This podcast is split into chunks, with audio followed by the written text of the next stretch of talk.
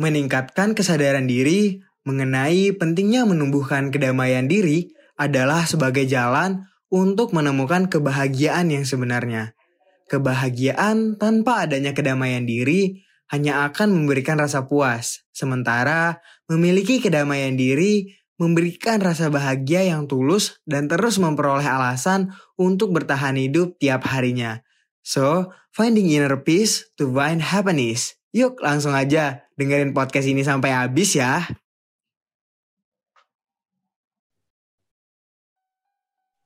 Halo Kacers, balik lagi nih sama kita podcast Bakso, bincang asik sosial dan psikologi.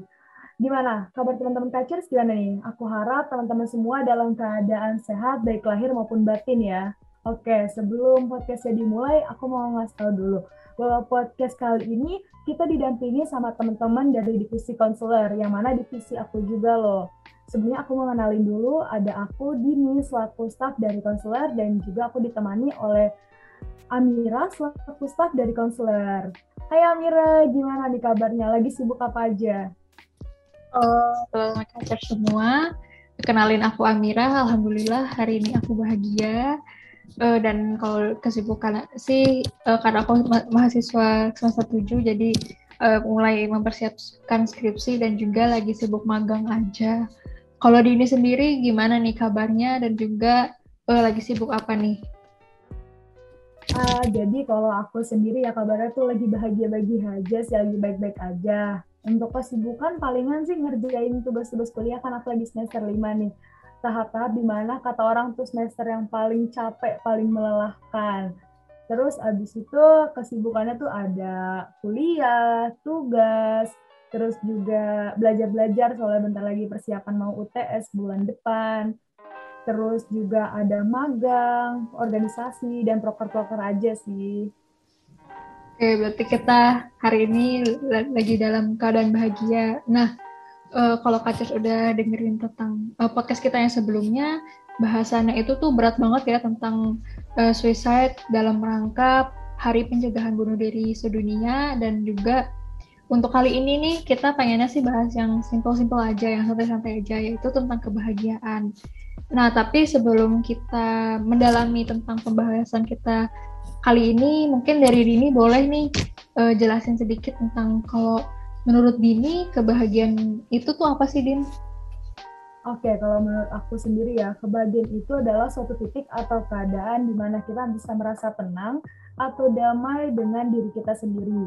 Bisa merasa aman, nyaman, juga. Terus kan uh, untuk mencapai kebahagiaan ini perlunya ada rasa kedamaian diri. Jadi kalau misalnya ada masalah tuh seberat apa pun, kita alhamdulillah bisa melakukannya, bisa melaluinya. Kalau dari Kamira sendiri, apa sih kebahagiaan?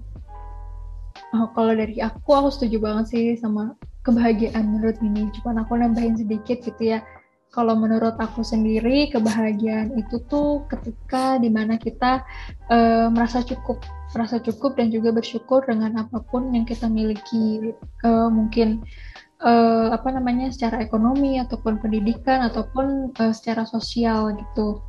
Uh, yang mungkin uh, uh, tanpa kita sadari uh, kebahagiaan itu tuh ada uh, ketika kita sedang menjalani kegiatan-kegiatan secara santai dan juga enjoy seperti itu sih. Menarik banget sih Din uh, tentang topik kita hari ini gitu ya. Uh, gimana dengan keadaan pandemi ini kita tuh uh, banyak banget gitu ya yang sering uh, faking happiness gitu. Kalau misalnya ditanya kabarnya seperti apa, mereka jawab bahagia, uh, senang gitu. Cuman sebenarnya ya dalam dirinya itu tuh uh, belum tentu bahagia. Mungkin mereka lagi banyak masalah ataupun uh, sedang banyak bebannya di dalam dirinya gitu. Nah mungkin uh, boleh nih kita sharing-sharing uh, sedikit ya Dian uh, tentang kebahagiaan gitu. Kalau menurut kalau dari Dini sendiri uh, apa sih yang biasanya bikin Dini bahagia? Oke, sebelum aku jawab ya Mir, apa sih yang bisa membuat aku bahagia? Aku mau ingetin dulu nih untuk teman-teman kacers untuk selalu jujur dengan apa yang dirasakan. Jadi kalau misalnya mau merasa bahagia, tunjukin aja bahagianya gimana. Kasih tahu ke orang-orang bahwa bahagia. Terus kalau sedih, gak apa-apa, gak ada yang salah dengan rasa sedih curhat ke teman, curhat ke orang tua, curhat ke keluarga. Kalau misalnya merasa marah, kalau memang bisa diluapkan, luapkan saja. Jadi di situ adalah pentingnya untuk merasa jujur atas apa yang dirasakan. Karena terlalu banyak memendam juga itu tidak baik. Itu bisa menghambat diri kita untuk mencari kebahagiaan diri. Oke, kalau apa yang bisa aku bikin bahagia, simpel sih ya. Eh, hal-hal kecil itu bisa membuat aku bahagia. Bisa misalnya nih, kan aku suka membuat list apa-apa aja yang harus aku kerjakan di minggu ini. Nah, saat pada akhir minggu misalnya hari Jumat atau hari Minggu aku kan suka mencatat-catat nih apa aja yang udah aku kerjakan apa aja yang udah selesai kan uh, dan saat udah melihat udah tinggal sedikit lagi atau bahkan sudah tidak ada daftar lagi di situ aku merasa bahwa akhirnya aku bisa tenang akhirnya ternyata aku bisa melalui minggu lainnya. Aku ternyata bisa bertahan hingga sekarang. Kalau Amira gimana nih? Apa yang bisa membuat bahagia? Kalau aku mungkin mirip-mirip ya karena kita uh, masih kuliah juga jadi uh, bebannya mirip-mirip gitu ya. Kalau aku sendiri biasanya kalau udah bahagia tuh cuman sekedar kalau misalnya kita habis selesai melakukan kegiatan gitu sehari-hari kalau udah bisa nemuin waktu buat terbahan sebentar, uh, buka handphone, buka Instagram, scrolling-scrolling ataupun Twitter ataupun uh, TikTok gitu itu tuh aku udah ngerasa bahagia banget udah bisa menaikkan mood terus juga karena aku suka uh, K-pop juga gitu. Uh, kadang aku kalau misalnya aku menemukan waktu sebentar gitu untuk update uh, grup yang aku suka itu aku tuh udah bahagia banget itu udah bisa naikin mood banget kalau dalam hari-hari uh, itu seperti itu sih Din. Wah berarti sebenarnya banyak banget ya hal-hal yang terlihat kecil tapi tanpa sadar bisa membawa kita ke dalam kebahagiaan diri bahkan tuh bisa membangun semangat kita untuk terus menjalani hidup, untuk menemukan alasan untuk bertahan hidup setiap harinya. Berarti sekarang pertanyaannya nih, gimana cara untuk menemukan dan mencapai kebahagiaan itu buat Amira? Oke, kalau dari aku sendiri sih ya sebenarnya kalau menurutku eh, kebahagiaan itu tuh nggak perlu dicari dengan usaha yang berat gitu ya, usaha yang besar. Di mana uh, kebahagiaan itu pasti kita temuin uh, dalam perjalanan kehidupan kita gitu. Jadi mungkin simpelnya gitu ya kalau misalnya untuk mencari kebahagiaan itu bisa dimulai untuk uh, dari kita mengenali diri kita sendiri gitu.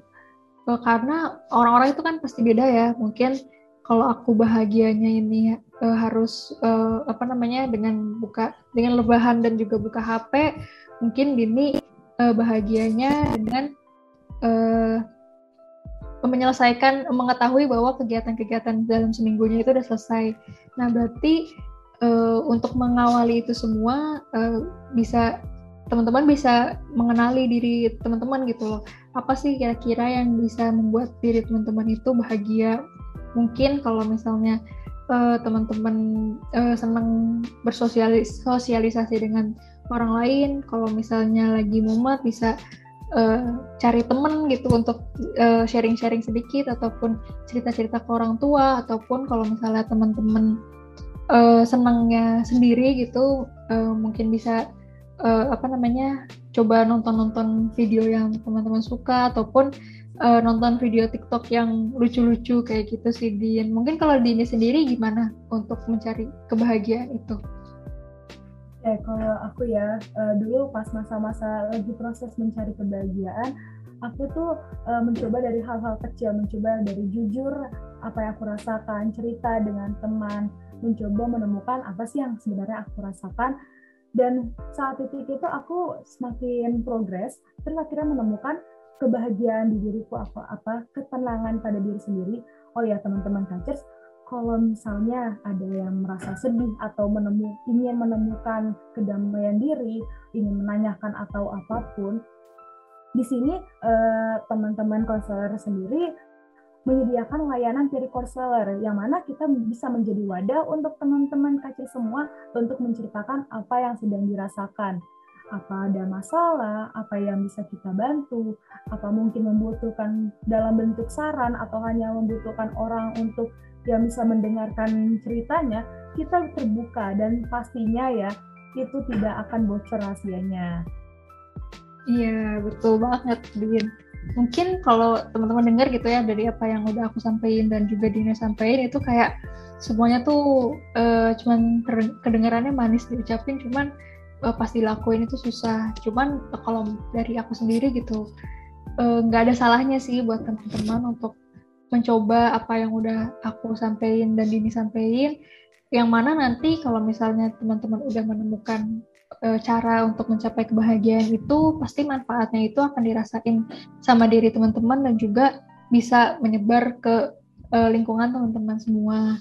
Nah, e, mungkin yang selanjutnya kita bakal bahas tentang pentingnya untuk memiliki kedamaian dan kebahagiaan itu. Kalau dari Dini sendiri, menurut Dini, apa sih pentingnya memiliki kedamaian dan kebahagiaan diri? Uh, menurut aku ya itu penting banget. Karena menurut aku kedamaian diri dan kebahagiaan itu dua hal yang saling berhubungan. Dengan memiliki kedamaian diri otomatis nih dari sisi psikologis kita juga berdampak. Yang mana kita bakal merasa bahagia kita akan merupakan mengeluarkan energi energi positif kita bisa membantu sesama. Dan juga menurut pendapat aku dari sisi psikologis bisa menurunkan pada stres kita yang mana kita juga bisa menjadi bisa melihat bisa melihat sisi dari sisi arah lain. Terus dari fisiknya ya Amira menurut aku saat kita merasa sedih atau gimana kan juga berdampak kepada fisik kita otomatis menurut aku dengan menemukan kebahagiaan kita bisa me, uh, menyiasati bagaimana ya kalau misalnya respon tubuh kita saat merasakan sedih kan biasanya kalau misalnya orang yang merasakan sedih berlebihan suka merasa tidak mau makan, tidak merasa baik-baik aja, tidak merasa sehat. Nah, itu menurut aku tahap di mana kebahagiaan diri seseorang bisa berdampak kepada kepada fisik orang. Iya betul banget. Mungkin aku uh, nambahin sedikit juga ya tentang manfaat dari kebahagiaan ini sendiri. Kalau misalnya teman-teman udah bisa mendapatkan gitu ya kedamaian dan kebahagiaan diri, pasti nanti teman-teman akan merasa lebih bersyukur dan juga menerima tentang apa pun yang teman-teman alami gitu. Maupun apa uh, mungkin sedang mengalami permasalahan yang cukup sulit tapi kalau misalnya teman-teman udah damai juga bahagia pasti teman-teman akan uh, lebih uh, positif gitu dalam uh, menjalani se semua kegiatan teman-teman. Dan juga uh, dari fisiknya sendiri juga seperti yang Dini udah bilang tadi pasti akan berpengaruh pada fisik teman-teman. Di mana kalau mungkin kalau teman-teman ingat gitu ya kalau misalnya teman-teman lagi sakit pasti disuruh uh, main gitu atau melakukan sesuatu yang bikin teman-teman bahagia di mana ya emang itu tujuannya dengan bahagia pasti nanti tubuh kita akan lebih fit lagi, lebih positif lagi karena kita akan mengeluarkan energi-energi positif seperti itu.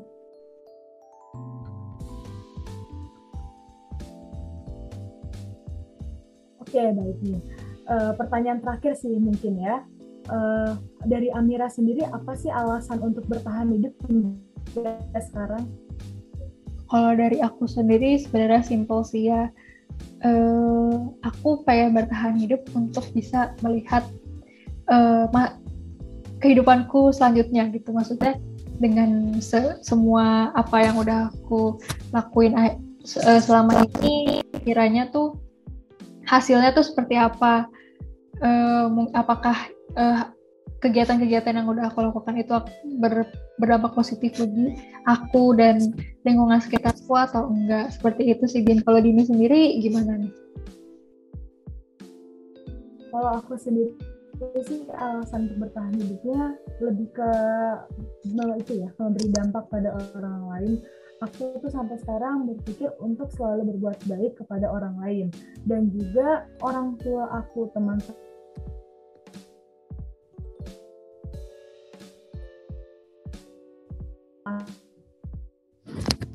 dan keluarga aku ini menjadi faktor besar untuk aku menjadi tetap bertahan hidup. Kalau dari aku sih mungkin itu aja sih alasan aku bertahan hidup hingga sekarang. Oke deh, mungkin itu aja sih pembahasan kita di podcast kali ini. Semoga pembahasan kita kali ini bisa menambah insight dan juga lebih bagus lagi nih kalau teman-teman catchers bisa menerapkan apa yang udah kita bahas sebelumnya. Eh, dan juga kalau misalnya teman-teman ada butuh bercerita ataupun butuh didengarkan uh, bisa banget nih buat uh, cerita-cerita ke kami dari divisi konselor di kawan cerita yang mungkin bisa teman-teman uh, gali lebih dalam di akun Instagram @kawancerita.id dan juga jangan lupa uh, follow Spotify serta subscribe channel YouTube dari Kawan Cerita. Sekian dari kami. See you. Terima kasih teman-teman. Terima kasih semua.